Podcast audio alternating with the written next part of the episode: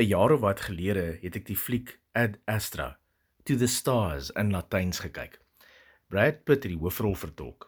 Sy karakter was die van Major Roy McBride, 'n bewese ruimtevaarder en 'n man wat bekend was daarvoor dat hy die vermoë gehad het om ten spyte van lewensbedreigende omstandighede en onder groot druk altyd kalm te kon bly. Hierdie aksiebelaaide fliek begin ook sommer met 'n reeks groot ontploffings Dit gebeur op 'n toring wat gebou is vanaf die oppervlakte van die aarde en tot deur bo in die ruimte strek. Major McBride, Brad Pitt, is heel bo besig om aan die buitekant van hierdie toring in die ruimte te werk. Hy kyk af en sien wat besig is om te gebeur. 'n Kettingreaksie van ontploffings het aan die onderkant van die toring plaasgevind en dit beweeg vinnig opwaarts in sy rigting een struktuur na die ander bars in vlamme uit met mense, stukke materiaal en staal wat in alle rigtings geslinger word.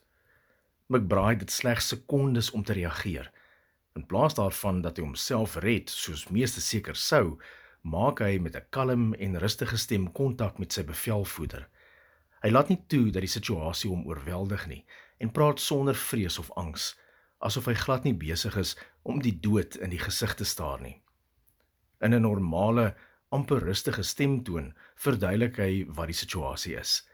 Hy verduidelik dat daar mense is wat vasgekeer is en iets sal gedoen moet word. Almal hoor hom duidelik en verstaan presies wat hy sê. Hy laat homself nie toe om beheer te verloor nie. 'n Paar kort oomblikke later sien hy 'n geleentheid. Hy kan die kettingreaksie stopsit voor dit nog lewens eis. Hy gaan oor tot aksie en kry die resultaat waarop hy gehoop het. Hy was onselfsugtig deur eers na ander om te sien en eers daarna homself. Daar is nog voorbeelde in hierdie fliek waar McBride met sy besonderse vermoë om hom en sy emosies te beheer, lewens red en groot skade verhoed. Maar 'n fliekresensie is nie waarmee ons hier besig is nie. Meeste mense word nie daarmee gebore om, soos die karakter van Major McBride in Ad Astra, altyd kalm en in beheer van hulle emosies te wees nie.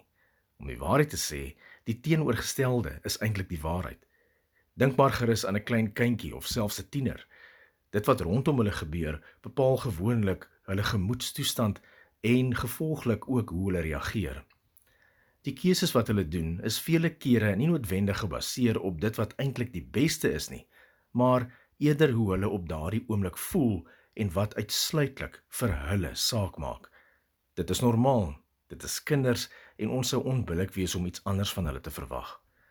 Die probleem is egter dat daar 'n geweldige groot hoeveelheid mense is wat nooit hierdie kinderagtigheid ontgroei nie. Hulle is jare reeds volwasse, maar kan dit steeds nie regkry om te leer hoe om hulle self tweede te stel, beheer oor hulle emosies te neem en kalm te bly in uitdagende situasies nie. Inteendeel, Hulle word juis deur hierdie emosies beheer en neem dan impulsiewe besluite wat gereeld tot groot nadeel vir hulle self en die mense naaste aan hulle is. Ek ken 'n man wat so is. Sy onvermoë om nie alles persoonlik op te vat en dan kwaad te word nie, het tot gevolg gehad dat hy in al die belangrike dinge van sy lewe onsuksesvol was. Die oomblik wanneer iets hom ontstel of sy gevoelens word op die een of ander manier seergemaak, vat hy doeteenvoudig die pad. Gevolglik het hy 'n see van gebroke verhoudings agter hom. Het nooit juis 'n suksesvolle loopbaan gehad nie en maak hy selde indien ooit iets klaar.